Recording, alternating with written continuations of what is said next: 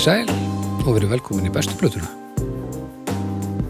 Ég heiti Baldur Ragnarsson, ég er upptökustjóri bestu plötunar, eins og sumir vita sem eru að hlusta, þar sem ég er búin að segja helvít oft og það hefur ekki brist. Um, besta platan er, er eh, eldgamalt og rótgrófið hlaðvarp á vegum hljóðkirkjunar, þó að það hafi nú vissulega byrjað fyrir tilvist hennar. Og uh, þetta er svona vinnuhjálkurinn sem er að standa að sér uh, flesti í lífinu. Þetta er svona svolítið kakkalakki hljóðkirkjunar myndi ég segja. Uh, Hargert hlaðvarp besta platan Hargert hlaðvarp. Hjá mér eru er tveir menn. Já, að mér fyndi líka að þú fórst að hlæja og ég sá auglýsingamannin, hann fór svona að hugsa það er svona er að nota þetta. Uh, en hjá mér eru hérna tveir menn. Uh, einn er hugsuður og, og, og hinn er kátur. Um, Blæsaður Arnar Egert. Sælir. Þú ert og doktor. Ég er doktor, já, já. doktor í krómi. Króm og myrkur doktor. Krómdoktor krómdoktor það er gott orð djúvill er það vondi kallin í einhverju teknimind sem að uh, verður því miður aldrei gerð. Krómdoktorinn. Það er vondi kall sem ég væri ekki til að hitta í, í, í myrku húsasundi. Eh, hvernig ertu? Herru, ég er nettur, uh, komin í gýrin farin að hitna. Farin að hitna enda, já, þið verið afsaka það ef þið heyrið eitthvað svona rum, eitthvað, það er opin gluggi hérna því að við, við erum hérna í, í steikinni. Já, það er svo mikið sumar sko. Helviti sumarið, kemur hérna og rústar öllu. Og ég, að því að vélinn er í gangi núna við erum búin að taka upp eitt þátt Já, þá er ég svona orðin aðeins minn, nei, ég var, ég var ekki stressað fyrir þessu þetta ég, ég er bara, ég er bara vonbjartur. Ok, þetta var hugristandi mm. það er gott að heyra. Uh, Haukur, Hæ, blessaður. Uh, hæ, nýkliftur, já, já, salla fínn alveg. Takk. Til í, til í tuskið Já, já, já, já, já, hvernig fannst þér hérna uh, slókanið nýja? Uh, Mér varst það bara í meðalagi gott sko. Já, takk. Nei, ég fór bara að hugsa um, þú varst að tala um sko hvað þessi þáttur stendur allt af sér sko, ég fór bara að velta því fyrir mér hvers vegna það er sko. Já, Arnar sótti með áðan og hann, hann er ekki svona eins og þessi típiski íslendingur sem ringir hérna, ég er fyrir utan. Næ, hann bara, bíp, nei, hann bara dinglar og, og bara Ha? kemur í fórstofuna Nei, og hann tilkynnti Örnu uh, minni elskulegu tilvonandi einkonu Já, já. að hérna við varum farnir í saumaklúb ég og það er held ég kjarnar þetta, uh, þessa hörku hlaðvarpsis hvers vegna þetta hlaðvarp stendur allt af sér? Það er það að við erum ekki við erum ekki alltaf stuð vinsældir eða peninga eða frægð Nú, við erum að þessu bara til að hittast og njóta stundar og, og, og tala saman um eitthvað sem skiptir máli Já, sem þetta er- skiptir okkur máli Þetta er aðeins unnur saga en hjá mér sko, þegar ég er búin að reyna að hætta ítreka og, og það er bara svo miklu hótanir, ofbeldishótanir sem dóttorinn sendir mér aðalega sko. Líki andirinu reyndar, hann er ekki að vinna með andirið svolítið. Þannig að ég held að vera þinn þáttur þetta er þú, það þú sko. getur ekki hætt Ég, þetta, þetta er minn þáttur og hérna, ég er búin að þú veist greinlega ekkit að því að þú heldur þetta snúðast ekki um pening, þú veist ekki öllum skuldurum, ég er búin að veðsetja húsið og, og ég er bara í hrömmum hlaðarpsins. ef þú hættir Já, og annar okkar tæki kynninguna hve- hvernig opnar, þú opnar þáttin alltaf eins, hvað segir uh, komið sæl og verið velkomin í bestu plötuna, ég heiti bla bla bla og ég er bla bla bla og svo uh, er það óljúst hvað kemur í kjölfarið. hvernig tækið þú kynninguna? Komið í sæl og verið velkomin í bestu blötuna ok, þetta átt að vera svona hvor okkar væri betur til þess fallin en við, ég þarf ekki einu svona að spreita mig sko. Ekki, ekki eins og reyna Nei. þetta, góðum með þetta. Þú verður að gera það. nei, ég verð bara eins og eitthvað galandi hani hérna með Ég bind vonir við það. Þú veist að því er ekkert að koma með hugmynd og beila. komið þið sæl og verið velkomin í bestu plötuna Já, ok. Já, munurinn var þú ert svona að fara að, að þú veist að kynnin vísindadaga þú veist, einhverstóra út á landi og, og dótturinn, hann var að reyna að ríða okkur Nei, hann var bara rást tvö klukkan 11 um kvöld, sko. Já, það var sem ég sagði Já, mennar. Já. en gaman að sögur það En ok, Arnar, þú færð mitt atkvæði ef að, ef að hérna, Baldur já, já, já, já, snýr sér að öðru. já ef það verður bara ekki hérna fengininn rándýrödd keift, aðkeift rödd. Þarf hvernig, ættum við að fá svona gesta hérna, svona gestalesari til að bara rétt og opna þáttin Magnús ha, Magnús Skeving, Magnús Hlyn. já ok mekka meira sens. Við getum fengið Magnús Skeving til að taka splitt og skeitta þið framfyrir. Já. Já, já, þetta er setjum tíma vandamál því það eru hérna verkefni sem við þurfum að leysa sem eru hérna bara beintur í framar okkur. Já, uh, ég vil nú bara minnast á, á lögkirkjuna já, þó svo þættinni séu kannski ekki margir þá er hún í fullu fjöri. Já. Eh, það er drauga fortíðar á meðgudögum og, og uh, við erum nú uh, mikið til konir inn á Patreonu með það allt saman en, en núna í þessari virku eins og ég hérna uh, fó, sagði ránglega í síðasta hætti þá var nú þáttur sem er komin inn á alla vetur í þessari viku. Uh, umfjöldurefnið veit ég ekki eins og staðan er í dag, við erum ekki búin að taka hann upp en það hefur verið eitthvað gamalt og annarkvort gott eða fullkomlega hörmulegt og ég er eitthvað búin að hljóðskreita það og, og, og uh, Flósi búin að hafa áhyggjur af því einhver tíma og þetta er allt eins og það á að vera Hvað eru konum margir þættir síðan þið komu úr uh, pásunni? þeir eru þá orðnir 5, 6, 5 eða 6 eitthvað Okay. við erum að bara rétta þetta í hundraði sko Ég er að sapna, sko. þetta sapna, Já, ég Djöfis. sapna alltaf. þetta sapnar að segur það er, er þegar aldurinn færist yfir það er, er þegar maður dettur við fært þá byrjum maður að sapna Já. Ég, ég tekka á þessu þeirra konið tíu. Ú, ja, veistla veistla í Tekið framtíði uh, og svo erum við hérna Bibbi, Snæbjörn sem er nú góðkunningi í bestu plötunar við erum alltaf í hverju mánuði niður í hljóðfarúsi að, að taka hann tekur viðtal við eitthvað tónlistar fólk og því er streymt live á, á internetinu og, og það, þið getið farið og fundið það inn á, inn á Facebook síðu eh, hljóðfarúsins og svo fyrir nú að færa þetta yfir á YouTube og svona það sem að YouTube er nú kannski svona aðeins henduri miðill í, í svoleiðis áhorf. Þannig að það er nú ímislegt að gerast uh, og hljóðkirkjan hún hún er í fullu fjöri uh, þó að það séu færri messur en oft áður. En það er verkefni sem þarf að leysa hér í dag það er ægilegt djöfus helvitis verkefni Já. þið ætlum nefnilega að ræða bestu blötu Daft Punk Já. það er bara þannig Það er þannig. hver, hver kom þetta? Það er ég. það er þú Já. ok, Og sko, þetta er einn af þessum þáttum sem að, þú veist, við eiginlega bara, það var þú samvinna á ég að taka þetta, vilt þú taka þetta, skilur Hvorugur okkar er ekkur hérna með Daft Punk húðflúr. Eh, Við vitum báðir ímislegt en, en, en við erum ekki að fara að skrifa eitthvað encyclopedia um Ok. Daft Punk. ok. Uh, en þetta er náttúrulega þannig fyrirbæri að þetta hefur ekki farið fram hjá nokkru mannesku og uh, hérna aðkoma okkar eflaust, já, svipuð, ólík, ég veit ekki, hvernig, ég var að byrja á því, hvað, hérna, hvar stóðst þú uh, áður en við hófum undirbúninga þessum þætti, dóttur?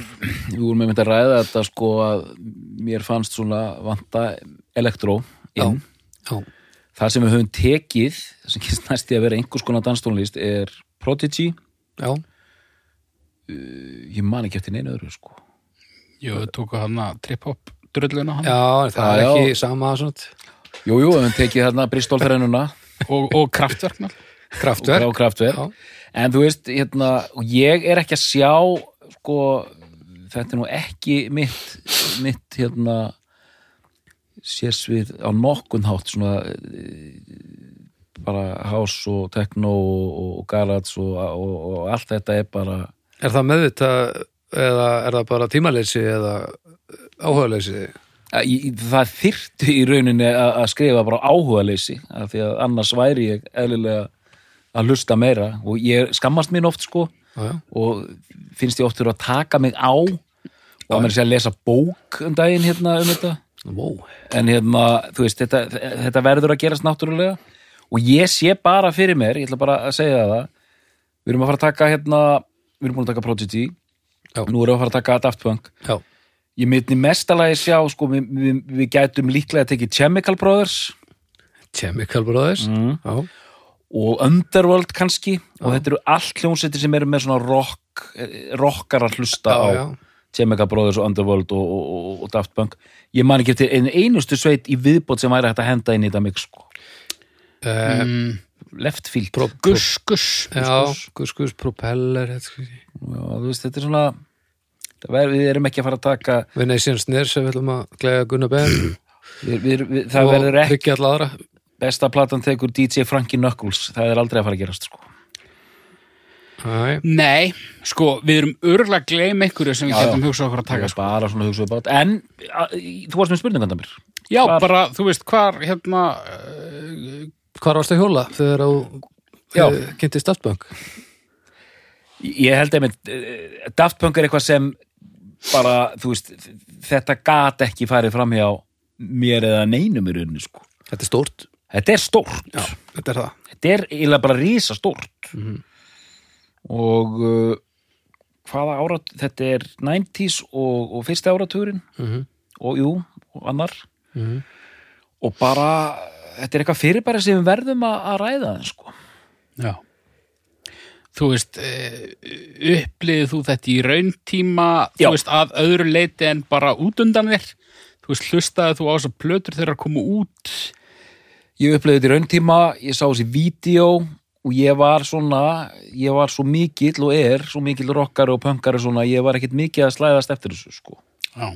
en eins og með sumt að hérna þú, þú kemst heldur ekkert undan því sko. Og ég var ekkert að reyna að komast undan því sko. En, en þetta var svona óvænt svona þetta sló í gegn eiginlega sko. Já. Já, ég held að ég held að við séum á rosa svipuðum stað með þetta. Ég hérna eh, þetta er einmitt svona út undan mér svona framan af sko uh, og svo svona uh, fer ég viljandi aðeins að hlusta á þetta uh, setna sko en þetta samt sko þessi þessi danstónlistar heimur fyrir mér hérna sem unglingur og, og, og ungur maður Mm. Þetta var mikið völundarhús og, og fullt leiðinlegt og annað sem ég skildi ekki og einstaka sem ég fannst gott sko. Ok. Þetta, þú veist, ég ég, ég heyrði það alltaf að það var alveg eitthvað í þessu sko því að mér fannst þetta sumt að þessu skemmtilegt. Mhm. en hérna af ástæðum sem ég mun tilgreina síðar í þessum þætti þá bar ég mig ekki eftir björginni e, strax þá. Hún alltaf dansar ekki. Ég dansa ekki. Nema alveg dauðadrukkin og ef maður er búin að villa þessum fyrir þér já, þá dansaru, það er gaman. Svo er mér sagt. Já, já, En hérna, sko, uh, meira af persónulegum upplifunum okkar síðar. Uh, þessi hljómsveit er duett, Mhm. franskur duett. Franskur duett. Uh, Þetta er Parísar mál. já bara eins og eins og bakett og handakriki Já. Og sko, uh, staðirindavaktin, hún getur örgla, hérna, örgla drulla yfir mig fyrir hennar þátt, en þetta er svona, þetta er að byrja svona uh, rétt fyrir miðbygg 90-sins. Já, já. Og byrja í rauninni í ykkur svona nýbylgju neðanjarða rock hljónsett ykkur punk hljónsett sko. Já, Já. Hér, hér er Undir einhverju öðru nafni eða ekki.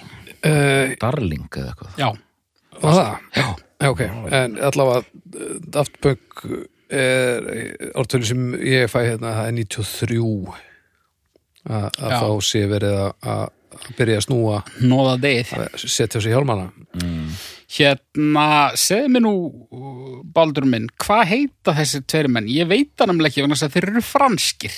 Já uh, Ég get ekki munað franska hlut. Þeir heita Thomas Bangalde Alveg og, og svo heitir hann Guy Manuel de Omem Christo Ok, við þurfum að finna ykkur betri nöfn á þá fyrir þennan þátt vegna þess að ég er aldrei að fara að minna þetta Tommy, Tommy og Manni. Tommy og, Manni. Tommy og Gæi.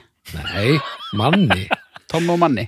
Tom og Manni. Það er svo nonn og Manni nema Tommy Ok, það er flott. Þetta er, þetta er Tommy og Jenny nema manni og ég, nonni, ekki.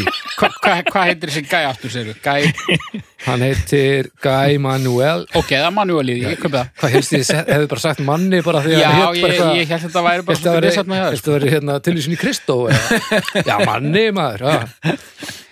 Herru, Tommi og Manni, þeir Já. sko, ok, strax, það er sko svona stóra hljómsendir, það er nú yfirleitt sko ekki þverfótað fyrir bara upplýsingum um ómerkilegustu hluti um alls konar hljómsendir og jáfnvel mikið minni heldur en Daft Punk sko. Já. Ég var sérstaklega að leita að svari við einu sem að ég hefði eflaust vita ef að ég hefði fylgst betur með tíðina. Mm. Mig langaði svo að vita hvort það væri einhver svona aðalsbrauta og hvort það væri einhver garfungel. Já. Vit, vitið þið það? Nei. Nei. Það, má vera að þetta sé bara nok nokkuð jæmt sko.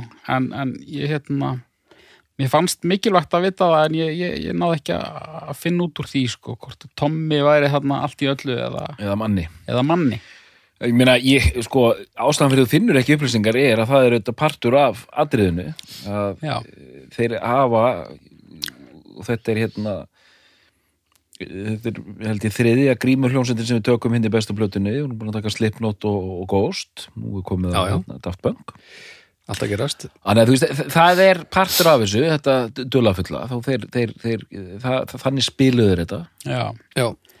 En þeir, hérna, þetta eru bara svona einhverjir ungir elektrodrjólar hann í París, 93 segiru og þeir eru að spila eitthvað nýbylgjurokk og, og hérna áhrif af valdar þeirra eru ímiskonar Já. Sem er heyri glögt. Já, og þeir fara hérna, eitthvað að leika sér með hérna, með svona snúðagræður bara snúðast aðeins er snúðast, já. Snú, snúðast. og hérna fyrst eru þeir bara að gera lög og, og eru vist ekkert að hugsa þetta í plötum Nei. Snemma í því. Undan sinni samtíð með Það það. samtíð, já. já, já. og svo er það svona hálfgert afturþótt að gefa út plötu þá eru þeir konni með eitthvað lagabunga og ákveða bara í plötu Mhm.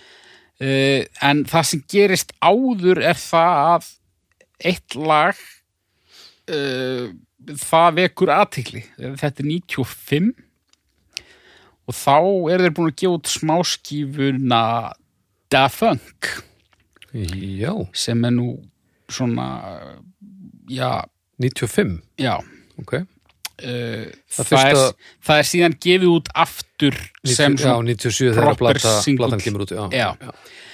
Það, það, það kemur úr 95 og, og hérna það, það, er- það, það alls engir bíl, bílfarmar að seljast af, af þessari smáskjöfu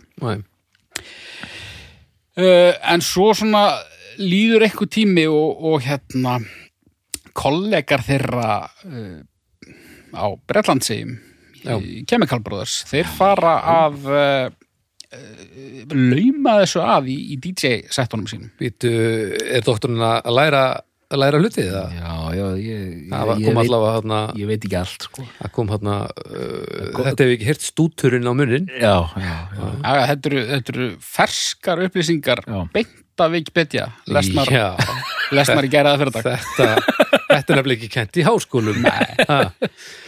og hérna og, og, og það, það svona bara vekur svona geysilega lukku Mhm. Og uh, endar þannig að það fara bara að hafa samband við þá hinn ímsu útgáfu félög Já. hafa áhuga á þessu projekti og hérna og svo veit ég nú ekki hvað gerist þá kannski bara að þeir henda í fyrstu plötuna Mhm. 97 Já. Homework Homework. sem vísar í það að hún er bara þetta er svona uh, Svefn Herbergis plata Þetta er smá Billy Eilish uh, bragur á þessu. já, já. og það eru þarna tveir superhittarar Já, og svo nokkrir minni já, og það er fyrirnefnda funk já. sem allir þekkja og svo Around the World Mhm. sem allir þekkja sem allir Já. Þetta eru slagarar Þetta eru slagarar og hérna sko, þessi plata mm. mér finnst þau vera að fara svolítið kannski ofgeist en, Nei, nei, nei, nei, nei við, það er mikið að pælingum eftir, engar á ekki Já, og ég, ég ætla líka að henda því en og það segir nú ímislegt um hvernig ég stend gaggat þessu bandi að fyrir, ég hafði í rauninni ekkert leið í neinum af þessum plötum sko. þetta var ekki Nei. geisladiskur sem ég gefti mér og, og snerist endalust heima hjá mér það var bara alls ekki sko. Ok, þannig að ég var svona dálítið að eða, þetta var svona eins og þegar við fórum hérna í Vitna Hjústón þáttina ég kunni alla smáskjöðnar og hafði, hafði ekki heyrt hinlögin sko. Nei, ég en, hérna, en já, ég man bara á þessum tíma Around the World, vídeóið Já, sem var nú ansið skemmtilegt. Mann ekki eftir því. Það var spilað á gjörsanlega á drep sko, sko það voru held ég sko þetta funk myndbandið og svo Around the World og sko Spike Jones held ég að hafa gert annað og svo Michelle Gondry hitt. Já, já, og þetta er alveg bara eh, þú veist þetta er svo 90s bara teimi sko. Rótlega, þeir gerðu myndbönd fyrir Björk og eh, þetta er einhvern veginn bara allt þessi sami grautarpottur. Já, og hérna þessi plata sko þessi lög eh, nú ætlum ég aftur að fara út í, í smá svona per, per, persónulega nálgun sko. Ástæðan fyrir því að mér hefur svona ég ætla ekki að segja leiðst þetta pínu en ég er svona ég forðast að kynna mér sérstaklega þessar tvær fyrstu Daft Punk plötur. Þær kom út 97 já, og 2001 já. já. Báðar með tímalösu kofiri já, já. Á þessu, nákvæmlega þessu tímabili Já, þá var ég að gera andstæðuna við það að toppa sem einstaklingur. Já. Og Hvað er þetta kúlahats tímabilið? Nei, já, það dettur inn í þetta. Nei, sko, þarna er ég bara veist, þetta er þetta er bara svona tónlist sem ég tengi við að vera rosalega tindur í, í framhaldsskóla sem að ég vissi ekki alveg af hverju ég var í. Já, og ég já, er svona já, já, þú ert 17 já, og þú veist, þetta er svona soundtrackið í partíinu sem ég leið illa í skilur mjög gott, mm. eða mjög vond. Það sem, það sem öllum fannst gaman en ég var á klukkunni. Já, og hérna, þannig að þetta er bara algjörlega í hausnum á mér. Þá bara tengi ég þessa tónlist alltaf við svona nú er ég að mála upp dramatískari mynd en kannski þetta á skilið. Þetta hljómar Bara- mjög vel, þetta er spennandi. Eini maður sem er uh, dramatískur með sínu sögu heldur en þú er ástralski Eurovision söngvarinn þetta árið. Já. Nei, bara svona, þú veist þú, þú tengir þessa tónlist við það þegar þú varst af tengdur Já, Holy ég, var ekki, ég var ekki beint aftengdur. Ég var bara ég var bara ég var bara á rángri hillu. Já, og svona með tilheyrandi svona ónótum við erum ekki, það er engin harmur þarna. Það er Nei, nei. bara svona, þú Ó- veist ónót. æ, úff, og dunglingur já, og það er erfitt að vera ónlingur hefði verið meira næs eða hefði verið meira næs. Já. Já. en svo unglingur í 90s, það gerist ekki verra sko. en svo koma fleiri plötur og fleiri lög og ég fer að tekka þess betur á þessu. En, en sest, fyrir þennan þátt þá er ég að hlusta á þessar fyrstu tvær. Já, uh, í fyrsta sinn bara svona sittast niður og hlusta sem fullmótaður einstaklingur sem fullmótaður einstaklingur Já. og þessi fyrsta plata þetta er svona þetta er svona klúpa drastl en samt sko á, á, á, á góða mátan sko. Spiffy Ég veit ekki alveg hvað það þýðir Hvað sagði hann? Spiffy. Spiffy, svona það er orð sem þú notar með hérna, fyrstu Big Country plötuna. Hún er svona er, Notaði hann orð sem hann skilur ekki? Þetta, þetta, er, ég, þetta er lélegt sko að því að Spiffy þýðir bara svona að vera svona svolítið svona ærsl, það þýðir ærsl. Já, já, já. æslafengið Já, já, já, já. æslafengið uh, bro, ekki brottur heldur svona galsi Já, galsi. Að galsi þessu galsi, Já, já. Klúbgalsi klúbgalsi og svona svolítið svona naíft kannski, Já, svona smá Fisher Price element í þessu viljandi samt. já, mitt og Og, þetta er strax gott já, já, en hún er köflott það kom mér samt á óvart þegar ég var að hlusta á þessa blötu. Hvað mér fannst hún skemmtileg? Sko. ok, ok, Ég hérna, ekki köflott nei, eiginlega ekki sko. Jú, jú, það er alveg, hérna, það er alveg lög sem standa upp úr og önnur sem gera það ekki sko. En hérna, hún er rosa löng. 73 ár, 53 ár. Já, en þú veist, og þá komum við að öðru, ég er ekki sprottin upp úr uh, þessum jarðvegi, þannig að ég er að taka svolítið grimt gests auga þarna. já, Ég veit ekkert almennilega hvað ég er farin út í þarna. nei, Þannig að ég er að, að meta þetta bara út frá kannski einhverju allt öðru. já, sko svona mín tilfing er svo að, að það er náttúrulega til tónlistastefnir sem þóla lengdina mun betur heldur en aðrar Já, og þeir eru út að reyna að búa til einhvern svona stemmara sem að tannlögjum sem beintengist e, svona menningu dansi og hörðum eitthilugum. e, þá get ég alveg alveg fyrirgefið e, lengri plötur heldur en heldur en, þú veist, grænkór Já, ég meina fólk, fólki finnst gaman að dansa og því finnst gaman að dansa lengi. Já, en það er eitt orð sem Vá, ég hef aldrei heilt neitt segja aðskilja sig jafn mikið frá neinu. Þú varst svo látt fyrir utan. Já, ég, þú varst svo mikið fyrir utan hennar sögja að það var æðislegt. Já, en það er eitt orð sem við erum að gleyma hérna sem lýsir kannski plötinni ákveðlega skemmtilegt.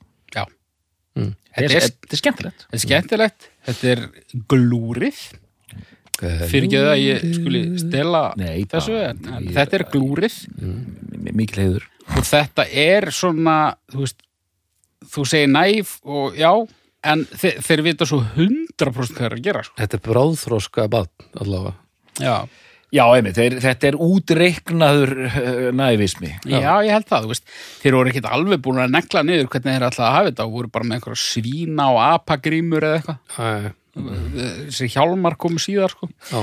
En hérna, þeir eru ekki með svín fyrir áslátt eða neitt þannig nei. nei, Hey, en sko... tenging á milli þátt Ah, tenging En er það er, svolítið, það er svolítið skrítið og, og það vekur upp smá svona óöryggi þegar þú ert að hlusta á eitthvað og þú ert ekki með samhengið. Ég er ekki að Já. miða þetta í rauninni við neitt nema bara ef ég fer að skoða áhrifavaldana og bara já, þú veist, kannski smá svona sem er eitthvað eldgamalt dót skilur.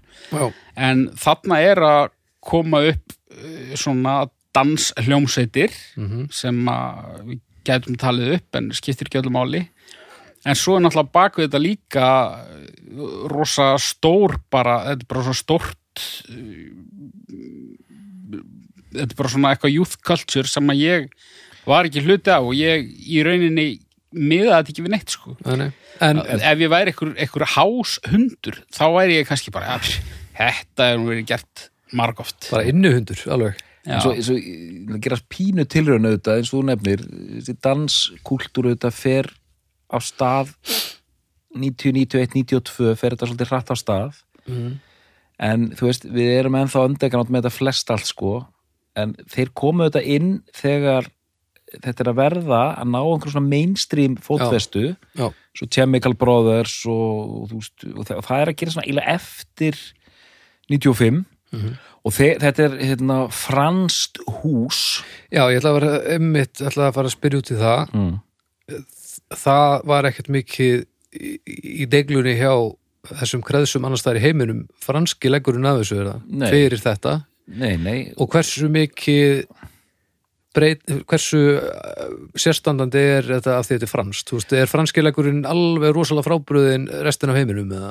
Er og var þessi leggur til eða Já, bygguð ég ætla að segja Já. sko, ef, ef þú ferð í, í síman og bara efst þarna á dagtvöng þá stendur Friends House og hérna og getur alveg sleppt í að smelta það ég smelta það og en- ég en- var engur nei, að smella það það. kemur svona tæknital sem, sem Baldur og, og, og jafnvel haukur skilja sko. Uh, það er svona áhersla á eitthvað um BPM og eitthvað já, BPM en líka eh, feiterar og flangerar og já, ok, sko Filter House. French Touch Attack Funk, uh, þetta er uh, 90s franstjá, Eurodisco uh, 90s og, og 2000 mál það sem er afgerandi Já. er eru filterar og feysirar sem að, já, það er mikið nota af því hvoru takja sem og mikið af amerískum og evróskum 70s og 80s disco sömplum Já, Sko þarna er við komnir að uh, algjöru líkil atriði og það er bara disco.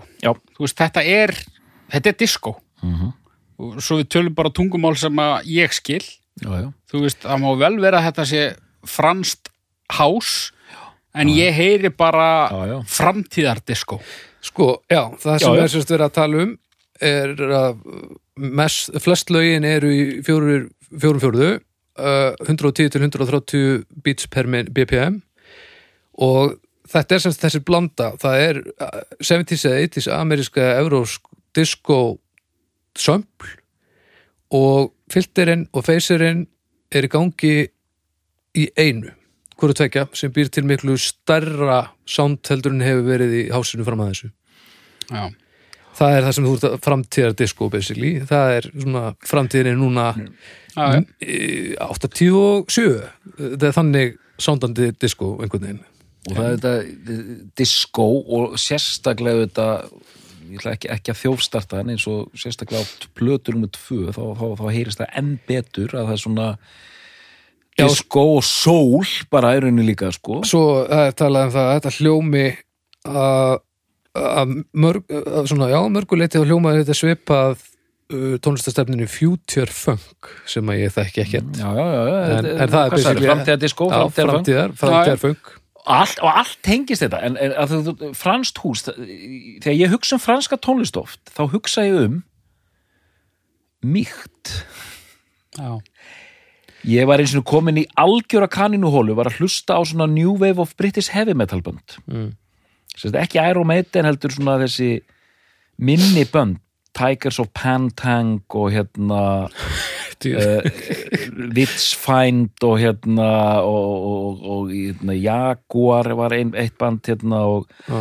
bara svona bönd sem e, e, e, hérna Saxon. Já, Saxon, Saxon svona í lof stóri fyrir það sko, og hlusta einhverja svona, svona lítil bönd Já. og leittist út í það að vera hlusta á franskt, early 80s franskt þungarokk ok, frægasta bandið var antalega Trust sem hérna Nico McBrain hérna trómaði. Já, en ég var búin að hlusta á okkur fjóra fimm svona franskar þungarokkljónsitir early 80s Mm. og það var það vantaði þessa hörku sem þú heyrir í Þýskalandi, Breitlandi það, það var alltaf svona franskt svona eh, frönsk mýkt. Það vantaði já, það er sensualismi. Já, í, la, já. í lagasmíðum var þetta ekki bara þeir, Áferð. þeir kunni ekki að taka upp þungarokk? Nei, það er tvent í þessu það, sko, franskt uh, þetta, franska þungarokk það er sensualismi sem er ekki hinu og það er ekkert borðspil í þessu. Það vantar öll borðspilselementin sem að e, e, þú veist, Maiden e, allt sem þú voru að telja upp. Þetta er svona borðspils þungarokk ég var, en ég ég veit ekki alveg hvað að segja en jú ég, ég, bara borðspils, ég veit ekki hvernig útskýrið almennilega, ég held að þetta myndi vera svo kristalltært í hugum ykkar. Það er svo mikið borðspil í þessum böndum, að það er rosalegt. Ég ætla að vona að einhver að núti sé að skilja það sem ég er að menna, en það, þetta er borðspil. Er þetta að tala um textalega? nei, nei bara, bara allt. Þetta er bara, ef, ef borðspil væri hljóð þá væri það, þú veist, þetta er bara mismunandi borðspil Og, ég sendi ykkur þetta bara. Já, já, já, já. ég þarf bara fullmóta þessu hugsun svo hún komist, hérna ég þarf að einfalda þetta eitthvað fyrir ykkur. En, en þú, þú sagði sens, sensuality. Sensua, sensualismin er mjög mikilvægur bara áferð, þessi mjúka áferð hvort það eru bíómyndir eða, eða er eitthvað svona er eitthvað svona bíómyndir? Já, Já. eitthvað svona eitthvað svona franskt franskmíkt ég get ekki sagt meira sko. Nei. en sko strax á þessari fyrstu plötu þá þá í rauninni sko þeir eru á sama tíma grjótharðir, þú veist, trommurnar eru alveg bara smellur í þeim og það er ótrúlega krisp og, og in your face. Klönki klöngi svo er bara svona svolítið mjúkur grúfandi bassi mm -hmm. einhvern veginn. Svona einmitt nýttin og svo þú veist, ímist harðir synthar eða, eða ykkur mjúkur vókóter, þú veist, eru svolítið að, blanda þessu saman Mm. en það er yfirleitt svolítið fá element í gangi, þú veist, þetta er hérna, þetta er aldrei uh, þetta er aldrei drekk hlaðið þetta er svolítið svona þetta er svolítið svona bara afmarkað, fjett einfalt og Strípað.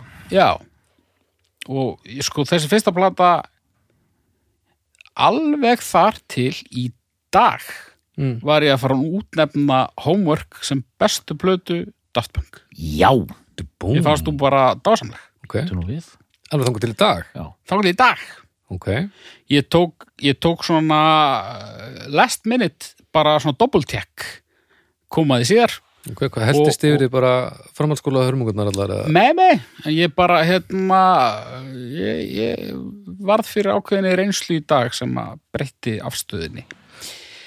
Eh, Já, ok. þú veist, ekki vera ofspennt þessi saga er ekkert frábær sko. Nei, En ég er bara að pæla, hérna- hversu mikil upplifun, þú veist, eru við eitthvað Nei, Erum er, erum við að fara í kirkju á leiðinni heim eða er þetta bara svona Nei, sko, ég hefði reynda geta endað í kirkjugarði en það kannski tengist þessu ekki alveg beint Ok, samt ok, spennandi sant En, ok, Ok, uh, ok. Discovery. Og 2001. þú veist, þarna á milli verða er bara ógeðslega frægir og, og þú veist þetta er bara út um allt. Já, uh, sko við gætum og verðum á einhvern tímapunkt að tala um öll þessi visual element Jú, jú. og alla umgjörðina geymum það kannski aðeins Jú, jú, þetta er svo öllu, öllu skemmtilega pakkað inn, sko. En já, Discovery, 2001. Discovery 2001 hún er oftast nefnd sem besta plata Daft Punk Mm -hmm. og það vissi ég áður en ég hlusta á þessar fyrstu tvær ok, og ég var svolítið bara svona tilbúin í að hún væri best mm uh, og ég tengdi miklu minna við hana í rauninni. Hún, ok. Þarna erum við strax svona farin að fjarlægast klúbbin smá. Ok, þetta er svona aðeins meira pop mm.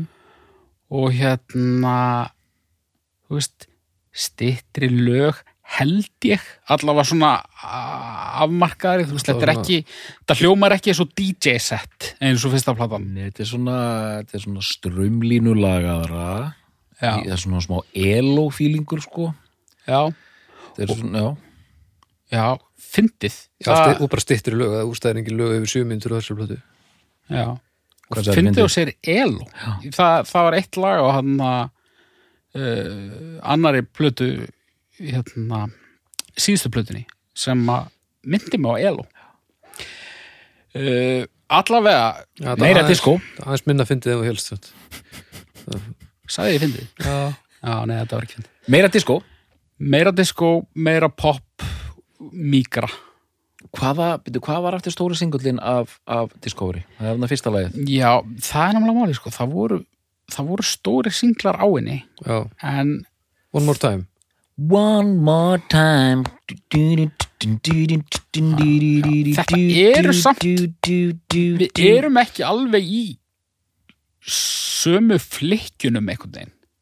Flikkjónum og Þú veist, þetta er ekki þessi tveir risa singlar hann á Discovery sko. það er bara eitthvað þú veist, Nei, nei, nei, nei við erum að tala um bara hérna, yesterday með bítlunum starf liggur við þar sko. Mér fannst einmitt sko, mér fannst Discovery er sko í ákveðnu merkingu, hún er betri nú ég er ekki að tala um hún sé betri plata en fyrsta, ég er að tala um hún er betur unnin, mm. þeir eru örugari með Já. það sem þeir eru að gera rétt 100% Uh, það er einhvern veginn, þú finnur það bara þegar, þegar platan rúlar stað og það er kannski jafnara komur óvart, ég, bara fyrstu fjögur, fimm lögin, ég þekkti þessu, öll þessu lög sko. já, já, já, sama hér sko. En samt einhvern veginn e, finnst mér hún ekki eftirminnileg. Ég er svona ég er eiginlega, ég þarf eiginlega að ákveða mig í beitin útsendingu, ég er ekkit að handvis hvar ég enda sko. Nó, ok, það er það er tvöföld spenna í dag alltaf vel að vitlust einföld fyrir ykkur, nú, við veitir sko svo er annað Er það ekki að kveikja á borðspilsmálinu en þá? Nei, þetta trubla mig? Haukur fyrir geðu alltaf frá og þú veist, það er svona ég tekka nokk eitt á því en, en svona mér finnst mér finnst ég heyra þú veist, þú heyrir voða lítið ef eitthvað af svona uh, live hljóðfærum á fyrstu blöðunni. Mm. en það er aðeins að dettin þarna það er, eitthvað, já. það er bara eitthvað heavy metal gítarsólo hann í einu þetta er poppara sko. Ég mani mitt þegar ég var að hlusta á þessa plötu í rauntíma, hún bara datt inn á borð til mín hann á mókanum þá fannst mér eins og að kemur eitthvað rosalegt heavy metal gítarsóló þú veist þetta hljómar eins og grín sko, Já, bara við ætlum að vera íkt sko glataðir eða svona íkt asnalegir. Samt geggja sólo já, einmitt. Sem þeir eru skráðið fyrir. Já, og ekki, ekki, ekki glata heldur, við ætlum að vera svona íkt asnalegir og þannig verður þetta eh, cool, þetta er bara svona mér fannst þetta svolítið flott sko þegar ég var að hlusta á þetta hérna á sínum tíma sko Já, já, og, og þú veist, mér finnst hún alls ekki leiðinleg, en kannski var ég bara búin að búa mig of mikið undir það að hún myndi sko toppa homework alveg margfald sko. En það gerði hún ekki. Nei, nei, Eh, Ekki fyrir mig, en hins vegar þá hérna, þykir þetta af stórum hópi vera besta plata þeirra og þarna verða þeir náttúrulega bara og hefur nú eitthvað að segja með bara hvað þið voru rísa stórir akkurat á þessum tíma. Já, þetta er þarna- líka þekktasta platan þekktasta platan og þarna fóru þeir úr því að vera mjög stórir yfir því að vera bara e, mjög stærri. og, og ha, er Barry Manilow skráður hérna fyrir einu lagi? E, það er sampl. Já, það er einhver nokkur sömpl þarna sem að hérna, einhver fjögur eða, fimm- Ó, ég djú, fjögur eða fimm sömpl á allir plötur nú erum við að fara að gera hérna plötu nummer 2 nú heyrum við í, í Barry. Já. en þú veist, þetta er eitt sem að þú veist, ég er alveg til í að vita og var að reyna að sækja mér upplýsingar um. Það er, þú veist, hvaða græjur eru þeir að nota hvar hvað eru live hljóðfæri, hvað ekki þú veist, maður heyrir það ekkert alltaf. Uh, hvað er saml, hvað ekki þú veist, já, já. En hérna, þetta er bara nördismi sem að ég kannski fer ekkert tíman út í. Já, já. Hérna, Þannig að skekja mér, dóttor en þarna held ég, ég held að þarna séu þér alveg orðnir vel hjálmaðir, sko. Já, Hættir að veita viðtöl og já, þetta er orðið aðeins meira lendó Já. Já, Síðan sko, sí, það er jafn langur tími á milli plötu 1 og 2 og á milli plötu 2 og 3, já fjögur ár. En samt fannst mér á sínum tíma mjög stutt á milli fyrstu tveggja og svo fannst mér líða óra tími þá þriðja platan kemur. einmitt. Mér fannst það það bara mér fannst það nánast bara eins og comeback-plata. Já, Já, og já, það er það er fyrsta Daft Punk platar sem að ég hérna, hlusta á uh, rauntíma ég hlusta á alla plötuna Mm. nokkuð oft þegar hún kom út uh, hérna með vilja, með ásetningi. Já, já, Human After All heitir hún. Human After All.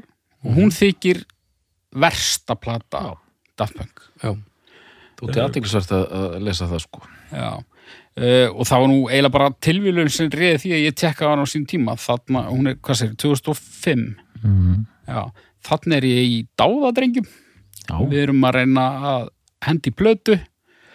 Og þetta var bara svona eina af þessum plötum sem að voru í gangi þarna í þessum hóp þá.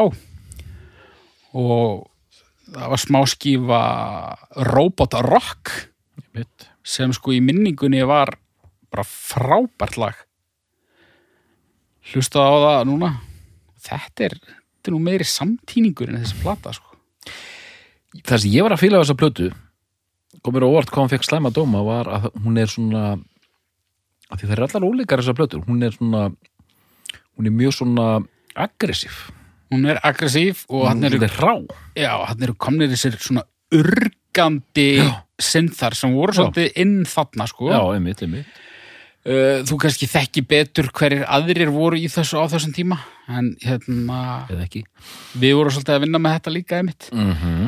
uh, en já, mér fannst platan ekki léleg en, en svona hún er svolítið svona endurtekningasöm ekki, ekki það lögin renni öll saman í eitt heldur bara svona, mér finnst oft oflítið að gerast í lögun já, já.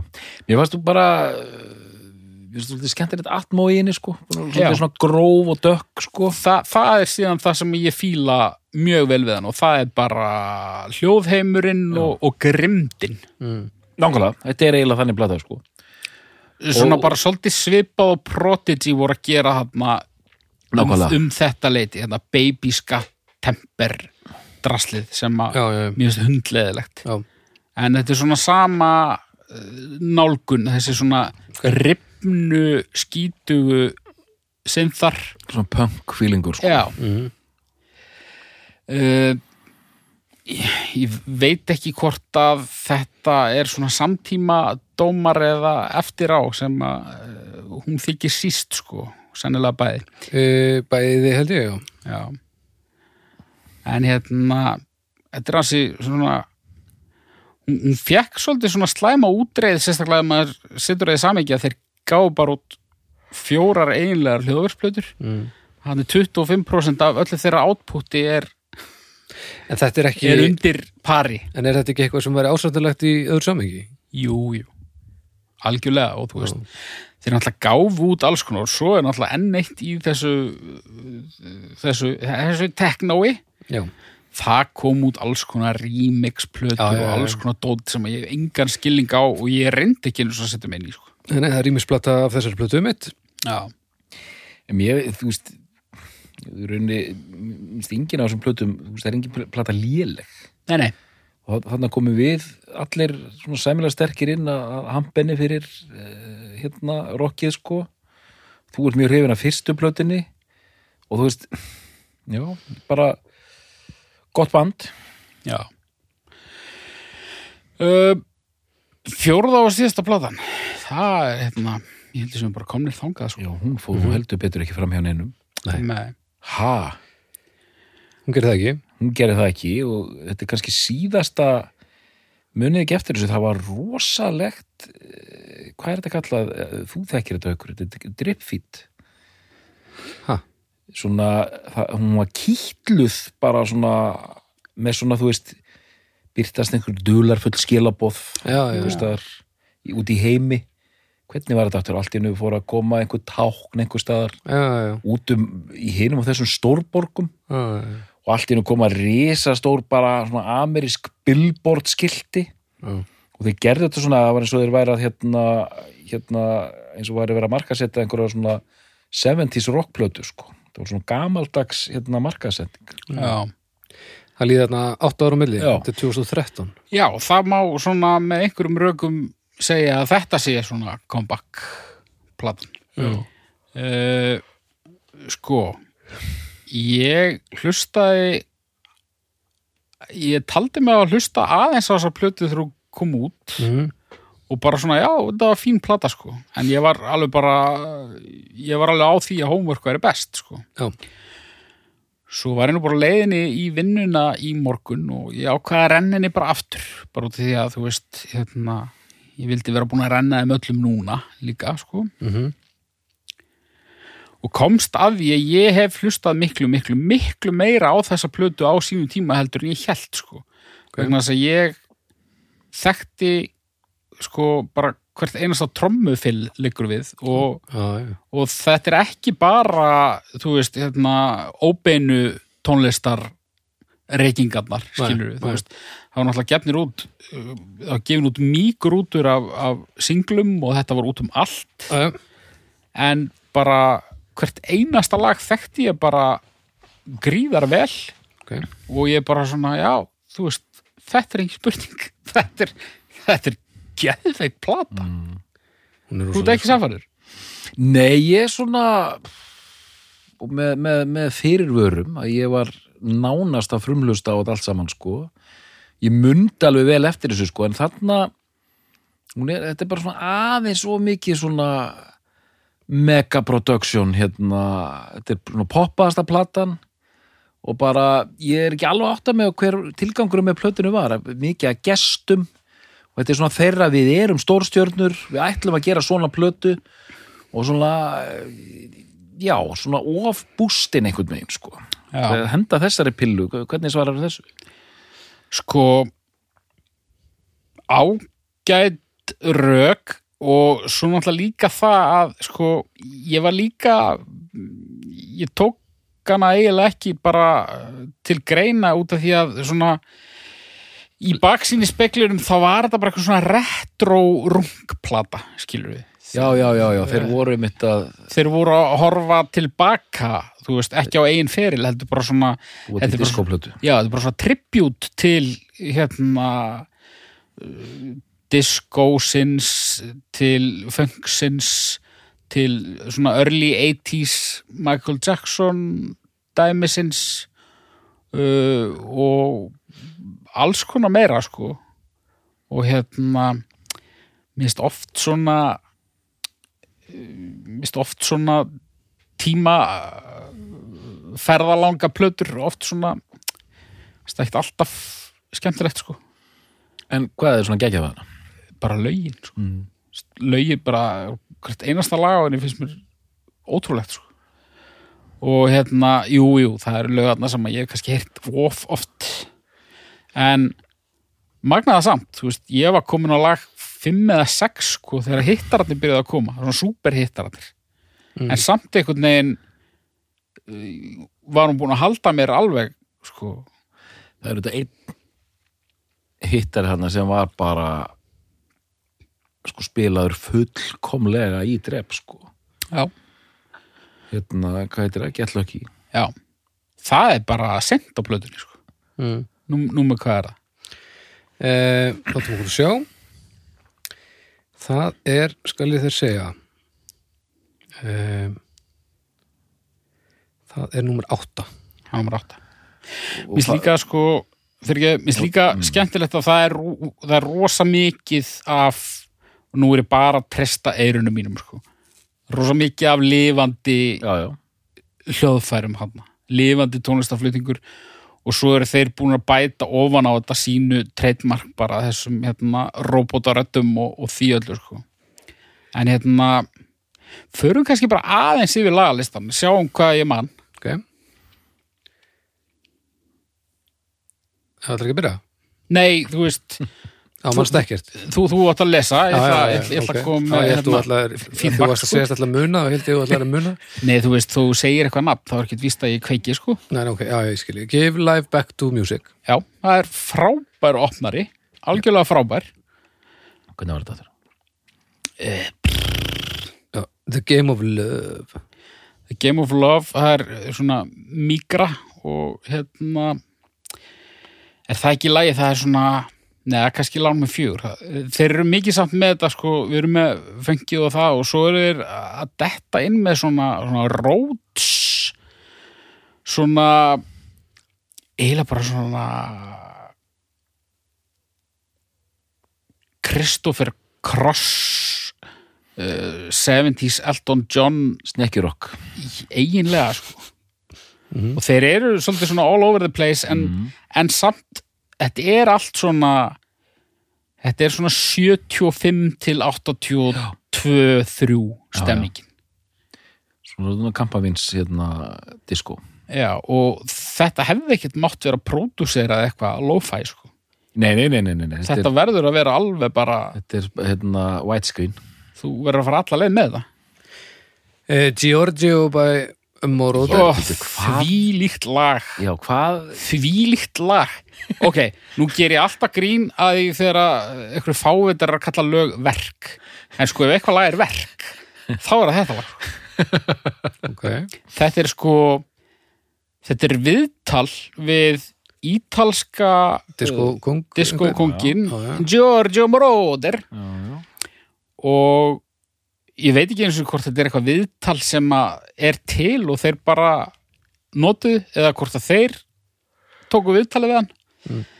en þetta er í rauninni bara svona hljóðmynd undir viðtal. Það sem hann er að tala um bara hvernig hann kynntist tónlist og byrjaði að búa til tónlist og sína köllun. sína köllun í lífinu og hvernig hann býr tónlistina til. Níu mínútur nýju mínútur og þetta svín virkar og þetta er svo og undir er náttúrulega þetta lag sem er eins og Moroder hafi samið það. Mhm. nema þeir, þetta er bara svona hermi hermi lag, skilur mm. en samt er það rosa mikið Daft Punk líka. Okay. Uh, sjúkt lag sko. Within Já, það er, það, það er hérna vocoder uh, ballaðan með, með rótsinum hérna. ok. Maður skæði þessu? Nei, ég man Ég held að það sé það. En núna, mástu núna? Það er ókíslega töflag sko. uh, Instant Crush? Instant Crush, er það Með- Julian Casablanca lagið? já. Já, það er eh, það er elo. Það er Það byrjar á svona elo trommutakti og það er svona það örlar á kassagítar undir því. Ok, þetta er alveg Jeff Lynn dæmi sko og bara fínt lag. Þetta var hva- hvað var margar smáskið þessar plötu, það voru mjög margar fimm held ég. bara. Það voru ekki fleiri? Ég held ekki, nei, fimm. Nei. þetta var allavega smáskiða, eða ekki? uh, uh, uh, hvað heitir þetta þurr? Instant Crush. Fjóruða, fjóruða smáskja einmitt, vel hefna lag. Og ég held að þarna og þá erum við komin í kirkjugarðin sko, ég var á svona hopphjóli þegar ég var að hlusta á það ok, þá aðeins var ég annars hugar ég var að hlusta á þetta aðeins svo hátt sko og þetta var engin, ven, þetta var engin vendipunktur sem let mér skiptum skoðun á var þetta í hver dag? var besta sagt? platan þetta var í dag sko. þetta er ekki runna sagan frá þeim daginn runna runna, nei, nei, nei, nei. nei, nei, nei, nei. en sko þetta hefði ekki endað mikið verð sko. viltu ekki bara fara að fá far en þetta endaði mun betur ég sem sagt bara gæti ekki að mér ok, og var næstu búin að fá bara landkrúser á svona 70 bara í hliðin á mér sko. ok. Og það hefði verið svo fullkomlega mér að kenna sko. já, og ég er svona, þú veist ég var ekki tæpur í sko sentimetrum talið nei, en ég var tæpur upp á það. Ég ákvað allt í einu að já, ég er ekki alveg að fylgjast með því sem ég er að gera best að líta hérna upp wow! og hérna ég hugsa að þið væru með afleysingamann hérna í kvöld ef að ef já, við hefum bóttist samt hald, við hefum staði við að, að taka upp í kvöld sko Já, Já, við hefum höfum þurft sendt að þér heyri S- bibba já, sem hefur verið tuss sko. Við höfum sendt þér SMS, góðan bata huguminn já. eða þú veist en ég er glaður þetta gerist ég held að ég sé of hérna, glæfralegur á þessum hjólum sko að við sögum sem við kemum með þá Þannig að, þetta að núna ætla ég að fara aftur í það að vera með heyrnatólin bara yfir öðru eiranu og ég ætla mögulega að íhuga það að, að horfa betur í kringum mig. Já, Já, þú er ekki verið að vinna með þannig Svo Ertu er með hjálm? að... Til beggja hliða Ertu með hjálm með það? Ég er ekki með hjálm, en hjálmur hefði ekki gert neitt. Nei, nei, ég veit það Ég hef bara orðið að sko, búðingi, Já, já, en ég menna meiri búðingi, þar að segja. búðingur nema hausin á þér kannski. Já. Já, En, já, næsta lag býtur við. Hann er með sex. Og það heitir, Þarna byrjar Williams Vestland. Það er Lose Yourself to Dance. Já, Lose yourself Það er gott lag. Já, já, þetta er er, og þarna við erum alltaf ekki búin að minnast á hann hérna Nile Rodgers Mhm. chick legendið þarna sem að er með gítar út um alla trissur á þessari blödu mm. hann er, hann er, að, hann er að funka feitt yfir þetta lag En Farrell Williams er í þessu lagi líka Já. uh, og mjög skemmtilegur hérna vókóta er hérna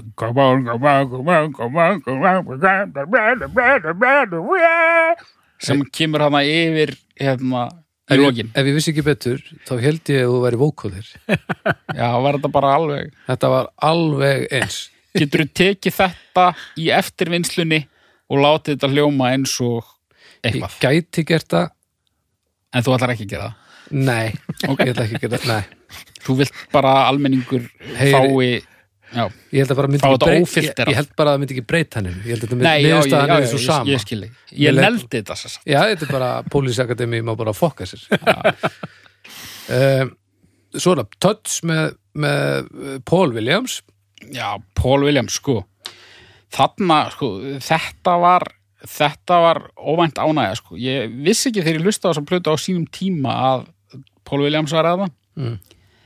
En hérna Þið mikla sögu við eigum smá sög, ég og Paul Williams sko. Og sko Daft Punk nefna kvikmynd sem mikinn áhrifavald á svona alla sjónræna nálgun og þá sérstaklega þessar þessar grímur. Já, og það er ja, kvikmynd Hjálma já, Hjálma, það er kvikmynd frá árinu 1974 eftir uh, Brian De Palma sem heitir Phantom of the Paradise uh, sem skartar uh, Doktorstúturinn aftur fyrrnefndum Paul Williams í hlutverki, Ok. ekki aðal hlutverki reyndar okay. og þetta er eitthvað svona eitthvað algjört legend ég veit, veit ekki nákvæmlega hvað þessi náungi hefur gert Okay. hann lítur út eins og cousin it úr Adams family það er svona sambland af honum og þú veist einhverjum Edgar Winter eða eitthvað mjög svona skrí, það er svona funny looking náungi sko. Já, hvað sagður myndin héti? Phantom of the Paradise. Phantom of the Paradise 74 Landa af uh, It og, og, og, og Edgar Winters American Rock Musical Horror Comedy Film. Já. þessi mynd er styrluð Ok, hún er svo styrluð að ég ætla að fá mér tattoo. Ég ætla, ég ætla að láta húðflúra hérna, úr þessari mynd á mig ok, hvað? uh, lítinn fugl sem að það er sérst fictional plötu útgáfu fyrirtæki í þessari mynd okay. sem heitir Death Records. Mjög gott. Og logoið er svona dauður spörfugl sem liggur á bakinu með lappindur upp í loft og með svona prentrasta áferð. Og þetta ætlaði ég að fá mér. Ok, og ég sagði vinnufélaga mínum þetta time, ég vann í vinnbúðinni í Holtagörðum. Mm. hann var svona aðeins að gæla við flúrin og hann hérna, ég sagði hann frá þessari honum þetta og, og hérna, hann bara, þetta er geðvegt sko. og hérna og daginn eftir þá var hann koma með Nei, svo líða 15 ára eða eitthvað. Og þessi gæi er sér satt húðflúrari. Ok, og hann sendi mig skilabóð á Facebook fyrir nokkrum árum. Já, og spurði mig hvort að mér væri sama ef að hann fengi sér þetta húðflúr. Og því ég fekk mér aldrei og því ég, ég er alltaf að fá hugmyndir eitthvað um húðflúrum sem að ég fer síðan aldrei í. Út af því að einfallega ég er hrættur einstaklingur sem mun aldrei fá sér húðflúr. Og bara, og tær. Já. og ég sagði bara go nuts og, og ég veit ekki betur en að hann hafi fengið sér þetta flúr sko, á pungin á mynd Já, en þessi mynd er frábær og í stuttumáli fjallar hún um svona eh, einhvern hæfileika ríkan lagasmið uh, sem er fyrir eitthvað ófríður og hann fer með lögin sín til uh, plötu útgáfa fyrirtækis sem eitthvað svona illur uh, músíkmókull á mm. sem heitir Swan og er leggin að þessum Paul Williams. Ok. Hvað segir, er þetta smá útudur? Ja, Nei, þetta er ég með Svo- þetta. Já. Swan. Já, þessi Paul Williams leikur hann sko. Ok, og hérna, honum er neitað út hann er bara ljótur og astnalegur og bara ekkert sell í honum sko. Og lögin séu fín. En svo sem sagt er lögunum stólið og leipilið fær bara eitthvað sæta píu til að syngja þessi lög og gefa þau út og, og, og mala gull á þeim já, og hann fer og ætlar að leita réttar síns þarna og, og lendir í útistöðum við einhverja örgisverði þarna. Þetta er einhver svona einhverjum kastala. Og hann verður fyrir því óláni að hann lendir með höfuðið í vínilplötu pressu og afmyndast. Og þá náttúrulega er hann tekið til fanga og hann er hlekkjaður í einhverjum turni við orgel þar sem hann er þræll og látin semja lög ofan í artista á leibilun þetta er geggjumynd og þetta er sagt söngleikur. Ok, Þetta er geggja plott með þér, vá. Uh, þessi mynd er í uppáhaldi á Daft Punk og, og þeir eru undir miklum áhrifum frá henni og þess vegna er þessi maður á þessari plötu. En þetta er líka geggja logo. Þetta, ég veit að þetta er ekki Þetta er rosalegt. af hverju er ég ekki með þetta á hendinni? Akkur er þetta ekki með þetta á mjóbakinu ég, nú get, ég, get, ég get ekki fara að herma eftir görnum sko Já, Jú, jú Hann hefndi eftir þér á undan Nei, ég meina, þá, þá er ég bara mushroom head, skilur. Það skiptir einhver máli hver fekk hugmyndina. Það skiptir máli hver framkvæmdana og en ef þú tekur mynd af húðflúrunu á honum og lætur húðflúra þá mynd á þig Eða það geti verið. þið heyrist einu sinni og ákveða að hittast aldrei áttur Já. Og ég klippið út. Eða ég fæ hann til þess að fara í laser og fjarlæga helmingin af tattúinu og og ég fæ mér hinn helmingin og þannig að þetta verður svona vina tattú ok, og, ætla þú sérst að vera með frá mitti og niður af dauðum fugli á þér ykkur stöðar Já, til og hann dæmis verður bara með eitthvað svona er búið að skera hann í galdra að kalla svona töframanna Já. En tekja á þessar mynd og tekja þessu lagi mm, Algjörlega. Ok, nú hljótu að vera komin í getlaki Uh, du, ég þarf að bakka aðeins hérna, ég er komin í eitthvað bíómynda uh, eitthvað súrleika hérna. Uh, hvað vorum við að tala um núna? Já, touch, já, get lucky, það er næst.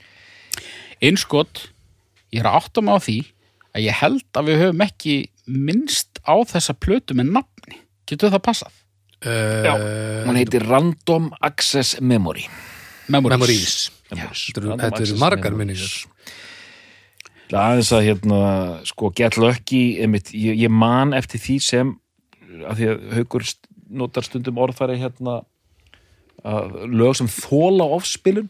Já, ég veit ekki alveg með þetta lag sko. Þú veist, eh, gott lag samt ég skil alveg akkur að vara svona vinsæl. Já, ég, ég viðurkenni það að ég skipaði því í dag sko, Ég- bara átið ég þurfti ekki að hlusta. En það er gott lag sko en þannig eru þeir bara, ég man eftir vídjónu þá eru Daft Punk liðar að spila á hljóðfæri í góðum gýr og, og Nile Rodgers og hérna og Farrell hérna með þeim. Mm. þú veist, bara svona, þú veist Daft Punk bara einhvern veginn á toppi veraldirinnar, geta kannilega fengið hvert sem er til að vinna með sér. Já, ég held það. Og bara, þú veist, bara alveg bara rísa stórir Nema Dylan, og þú veist, það er eins og platan sér líka getum kannski aðeins að rætta það því að, þú veist, einhver svona gjöf til, ég þól ekki þegar það kom einhver svona eldri og segja bara já, Daft Punk, þetta er geðvægt kúla því að nú eru lifandi hljóðfæri ekki þetta helvitis Já, tölvudrast já, það er auðvitað óþólandi en auðvitað voru hérna það gefur plötin ekkert gildi að hún hafi verið spilu skiluru, ok, skilur einhver hvað ég er að eh, tala um hérna? Nei, mér þessu þú- bara að vera að hrauna yfir það sem ég sagði það Nei, ég, það, Já, þetta hljómar svolítið eins og þú sérst mjög lúmst að skamma haukur fyrir að vera meðaldra en í rauninni ert þú að vera það sem uh, við hræðumst öll sem er að vera að reyna að virka yngri og róttakari hugsun heldur við erum í raun. Nei, sko Þannig ég myndi segja að ég væri í rauninni eini heilstætti aðeilin inn í þessu herbyggja akkurat núna sem hefur ekkert að skamma sín fyrir nema borðspilið.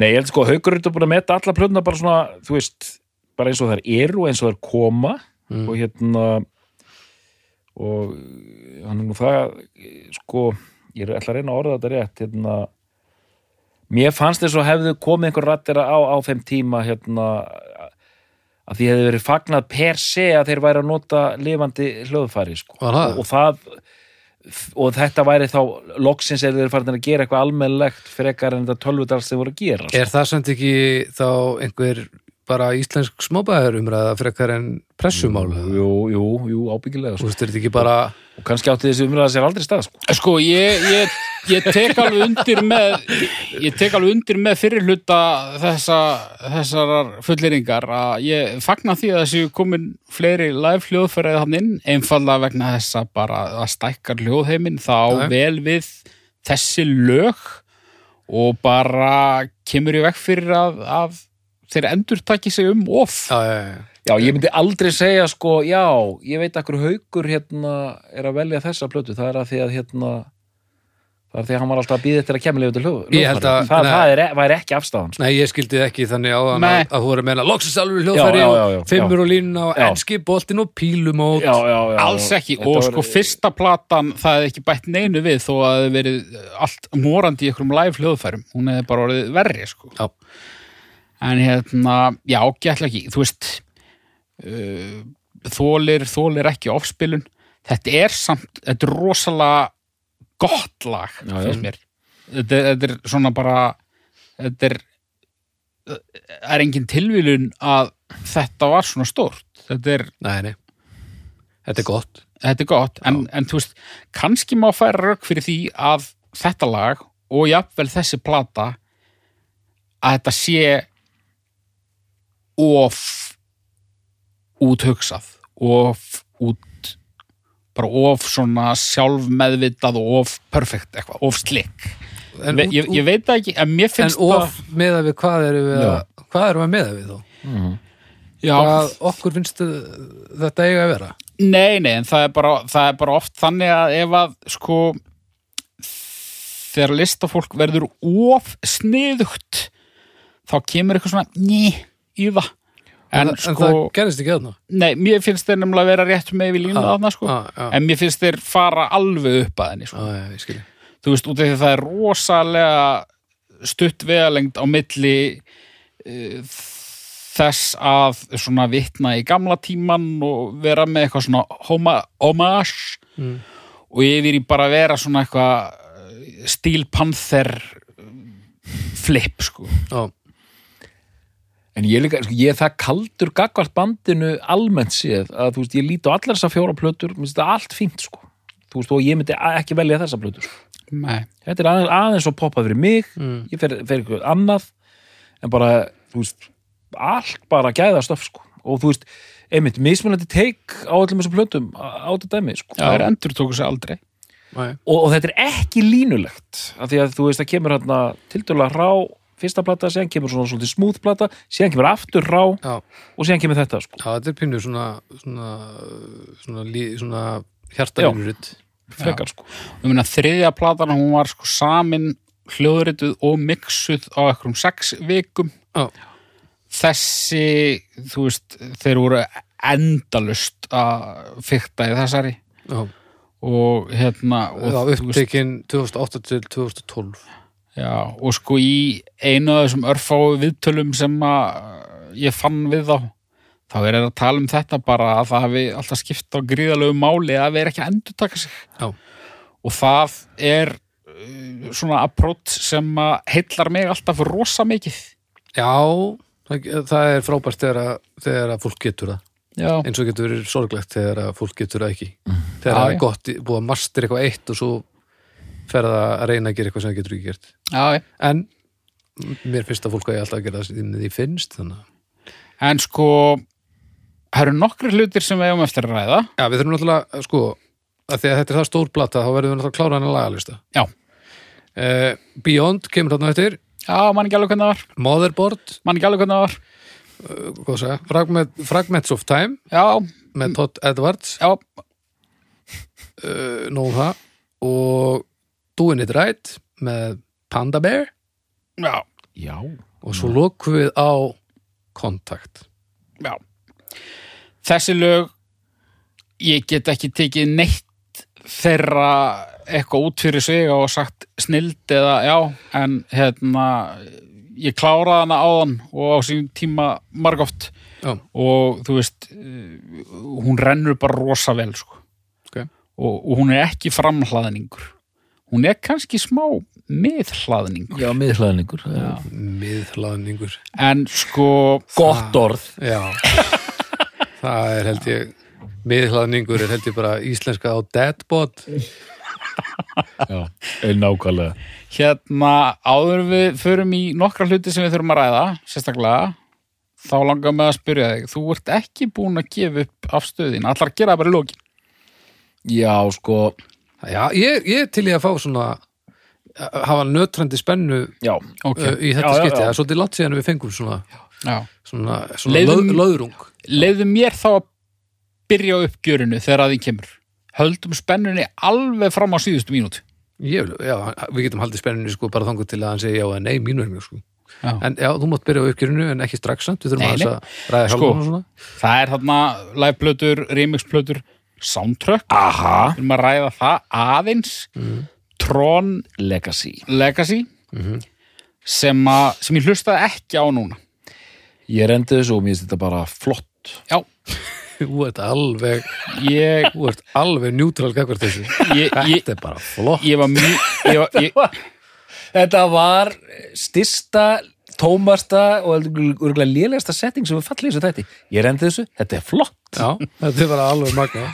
já, þú veist, ég, ég fíla þetta í myndinni náttúrulega. Já, og bara dásamlegt og ég hlusta á sáttrakið á sín tíma og þetta er bara, þetta er bara drullu skemmtilegt og, og hæfir myndinni vel. En mér fannst einhvern veginn ef ég færi í þetta þá, þú veist, þar ég þá að fara í liveplötur þar ég að fara í remix, bara nei höldum þessu bara fjóra hljóðvers og málið dött. Uh, en sko það er þessi sko það er aðeins þessi visual vinkil sem að, ég veit ekki, kannski er litlu við að bæta en, en þeir einhvern veginn með tímanum var það alltaf stærri uh, þáttur í þeirra listsköpun. Stærri allavega bara markasetningu. Já, markasetning sko live show Já. alls konar vídeo og props og bara, einhvern veginn, bara öll umgjörð Já, já, já, já. Þetta var, var þetta alveg risa. Já. Já. og þú veist og já, bara einhvern veginn allt bara allt þetta sjónræna Já, og ég meina þegar þeir hætta þá kemur út svona 8 mínútna stuttmynd þar sem þeir eru í einhver eðimörk og springi loft upp og eitthvað svona sko. já, og Hjálmann er alltaf svona mi- miðlægir í þessu öllu. Og svona það er hvað, það er bara í fyrr, fyrr, hittu fyrir það, fyrra það. ég hvena það, já, svona tveim, þreim ára síðan sko. 2018 langar með að giska já, Uh, uh, uh, uh, uh, 2021. Nú, ég fekk símtal frá mokkanum Já, hvað hefur þú um þetta að segja Arnar? hvaða er, merkingu? þetta er flott. Já, Þetta- þetta er hvaða, já, hvaða merkingu hafði þetta band í tónlistasögunum? Ég svaraði, þetta er flott. En, ok, ég spyrir núna. Já. Hvað, hérna Hvaða merkingu hefur þessi hljómsveit í tónlistarsögunni? Ég, sko, ég nefndi eitt hérna, fyrir utan það að segja hvað þetta verður flott í símtali. Ég sagði uh, altså, ef eitthvað, ef ég ætti að nefna eitthvað eitt, það er hvernig þessi hljónsveit eða duet brúar bil mm, úr dans, raf, tónlistarheimi já, yfir rockheima. Af því Já. það er þannig, sko. mm, Þeir og einmitt Chemical Brothers uh, Underworld og Prodigy þetta eru allt svona dæmum þetta en þú veist, einhvern veginn Daft Punk með svona franst hás og verða bara ein, bara alltaf tímabili bara einn stærsta hljómsett heim sko. Það er, það er hérna dálítið magnað. Og ég fíla þetta dulræna og þessa stíliseringu og, og hvernig þeir stilla þessu fram markaslega. Þetta er, þetta er cool. Þetta er aldrei sko mér finnst að þeir ekki krossa línunni að vera eitthvað svona brjálaðslega arti eða eitthvað líka, þá eru við komið meira í er eða eitthvað svona dæmi sko. Þetta er einhvern veginn bólurinn fær að svífa þarna um líka sko. Já, þeir eru einhvern veginn svona, þeir eru meðdaldi marga ánga í gangi sko. já, samt upplifum maður að þeir njóti virðingar líka meðal, þú veist, bara Þú veist, danshausa, já.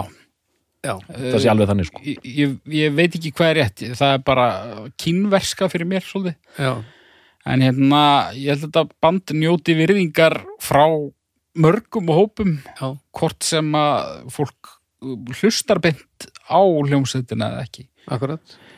en hérna, já þetta er skemmtilegt, við erum örgulega að gleyma alls konar einhverju mikilvægu stöffi en, en mér finnst við hafa náð bara temmilega vel utan um þetta. Já, já, þetta er og líka bara ég- finnst allar þessar plötur og, og þá er ég ekki að meina það að þetta er orð skemmtilegt ég er aldrei hrifin að því sko. Að hérna, að þetta er allt skemmtilegt. Já.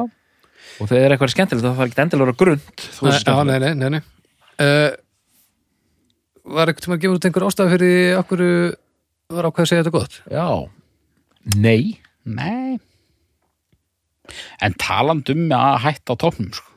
Já, en ég alveg meina, burt sér frá hvað þér finnst um þess að plötu það, það, Já. þú, þú, Nei, þú já, getur ekki hætt á betri tímapunkti Nei, nei, og, og ég, ég, ég hérna og eins og ég er búin að nefna það, mér finnst þessi plata veist, þetta er allt, allt, allt ólega fínt og flott sko, þó að hún sé ekki uppáldi hjá mér sko. ég, vil ekki lasta hana sko, nei. Bara pæla hvort að bara hafið tappa gleðinni eða hvað? Dauðafæri náttúrulega þarna meiri segja, þú veist búin að, þú veist, nennir ekki að gera þetta lengur að halda bara áfram, semja nokkur lög og henda bara einhverju nýju kjött í þessa hjálma og fara bara ströndina og, og, og kassa inn sko.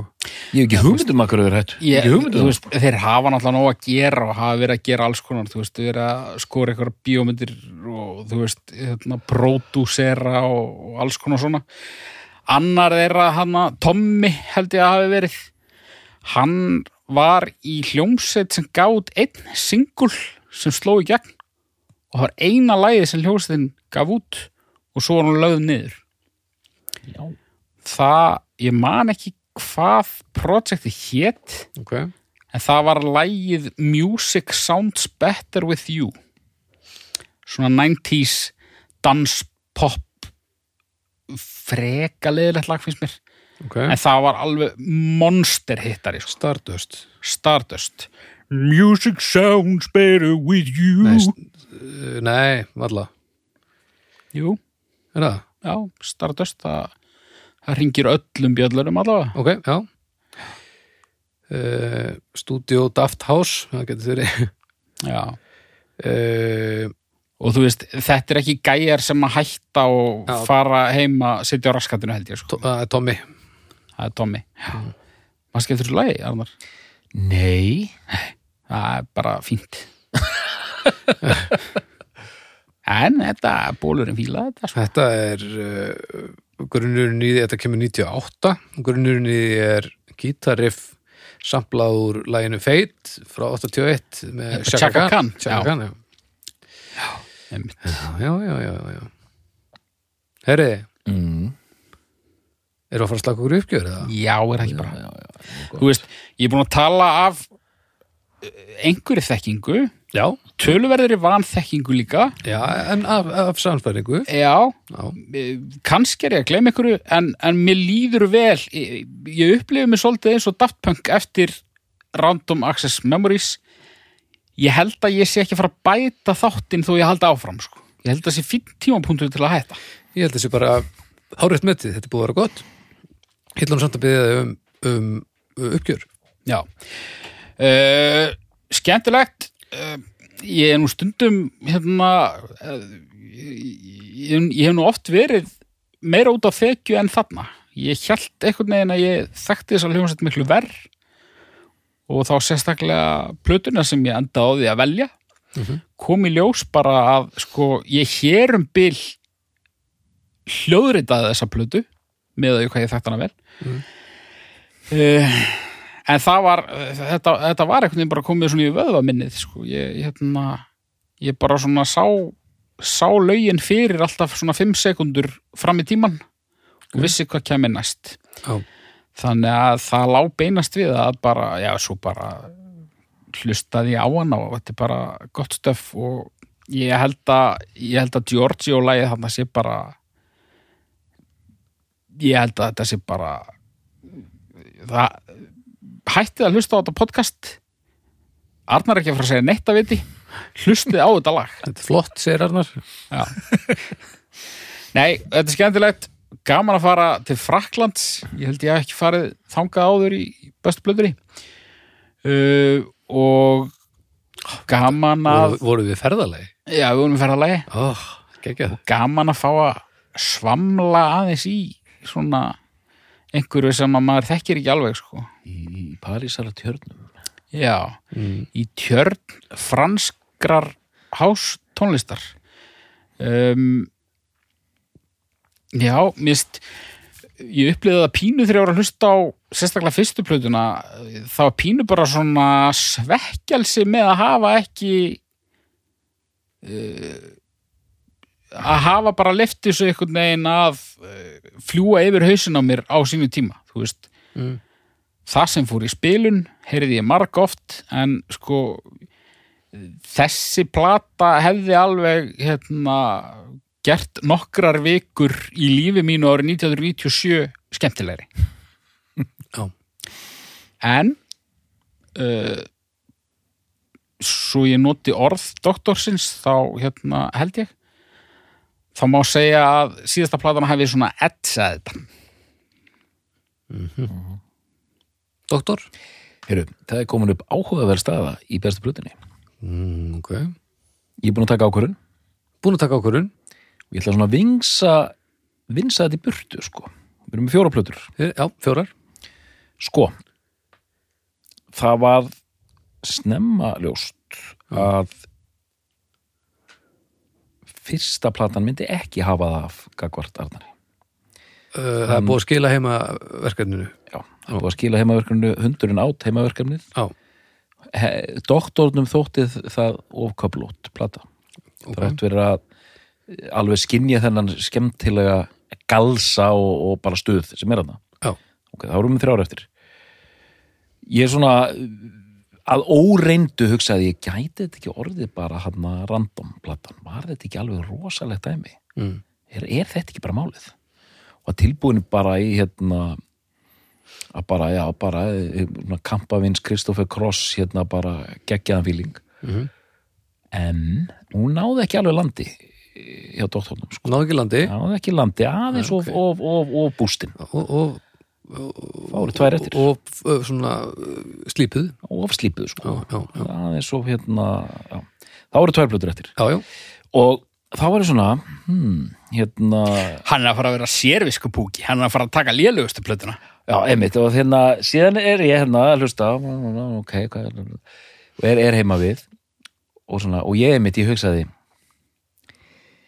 þú veist, ef ég vel rockplötuna, eða röffplötuna eða punkplötuna, það er svona það er of meðvitað og of mikið svona hei, djúll er ég flippaður og cool og þannig að hún hafði það heldur ekki af sko. tilkomi mikil og töff en það er bara eitthvað við þess að plötu nummer tvö þar sem þeir eru að finna sig og eru svona örugir og bara gerum þetta og bara hún rúlar eitthvað svo vel þannig að Discovery, ég enda þar Dúti Liverpool, hérna hafði sigur það er bara þannig Það skust næstu í hór út úr mér fannst þetta eitthvað, ég veit ekki okkur mjög Það er þannig, Það er þannig Dúti Liverpool. Ég er náttúrulega, plata sem ég er að velja er náttúrulega Dúti Liverpool, sko, bara í öðru veldi. Já, hann er hann er, hann er ein, enn að reyna að vera uh, með brotin Já, já. Og árin liðu bara, þú veist bara hvað eru mörg ár sem liðu þarna, 12 ár Já, hann er enn til í En hún, þetta aftið, sko hún etsaði þetta því að svalast hefði verið að velja verður að með hætta fyrstu plötuna sko. Ég verði að hægt að segja etja þetta Þetta er, þetta er, þetta er já. Það velja Já, ég, blöðuna ég, klúðraði eiginlega því döða færi sko. Ég hef alveg getað valið hana og, og, og staðið með því vali sko. ég hef bara átt að sleppa því að hlusta á því þannig morgun sko. Já. En þá hefði ég ekki næstu í dáið og, Nei, er, ég ætla að kenna uh, næstu því dauða uh, maður verður að mér skilst svolítið svona mjúkur gagvart uh, því sem er í kringum mann Já. þegar maður kemst svona næri döðanum þó að mér heyrist nú öllu að vera einhver 20 metur frá honum þá var aldrei að vita nei, nei. um, Þetta er áhugavert þið, Þetta er flott Þetta er Daft Punk Flott uh, Þannig að haukur Það er komið nýr frasi sko. Er þetta besta plata Daft Punk? Já Svaraði nú bara eins og maður Já, Já. Doktor, er þetta besta plata Daft Punk? Nei, Við þakkum fyrir í dag og við heyrumst að viku liðinni